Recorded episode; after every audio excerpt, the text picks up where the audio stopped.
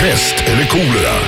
Så är det och dagens pest eller kolera löd som följer. Att sitta i isoleringscell i ett år. Eller att ligga i koma i ett år.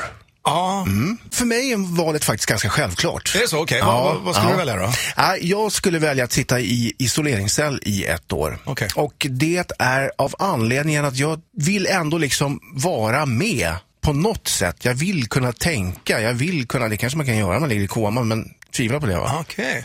Så att jag, jag, jag skulle ändå vilja vara med, även om det är för jävligt liksom, så vill jag ändå vara där på något sätt. Ja, okej. Nej, alltså jag skulle ju nog välja koma alltså. Är det så? Om jag skulle sitta i isoleringscell i ett år skulle jag runka ihjäl mig.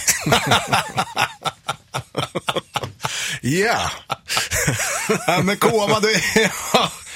Nej, men jag, jag gillar att sova. Jag gillar Okej. att sova länge liksom. Ja. Men du gillar ju att runka också. Jo, men vad fan, det kan man ju göra när man vaknar. Okej. Nej, men alltså jag, jag skulle nog hellre ligga i koma. Det, det är liksom bara sova över skiten liksom. Och så är det klart. Ja, ja. ja. Ja, där ser man. Eh, smaken är som baken. Delad. Rockklassiker. Klassiker. Poddtips från Podplay. I podden Något Kaiko garanterar östgötarna Brutti och jag, Davva, dig en stor dos skratt. Där följer jag pladask för köttätandet igen. Man är lite som en jävla vampyr. Man har fått lite blodsmak och då måste man ha mer. Udda spaningar, fängslande anekdoter och en och annan arg rant.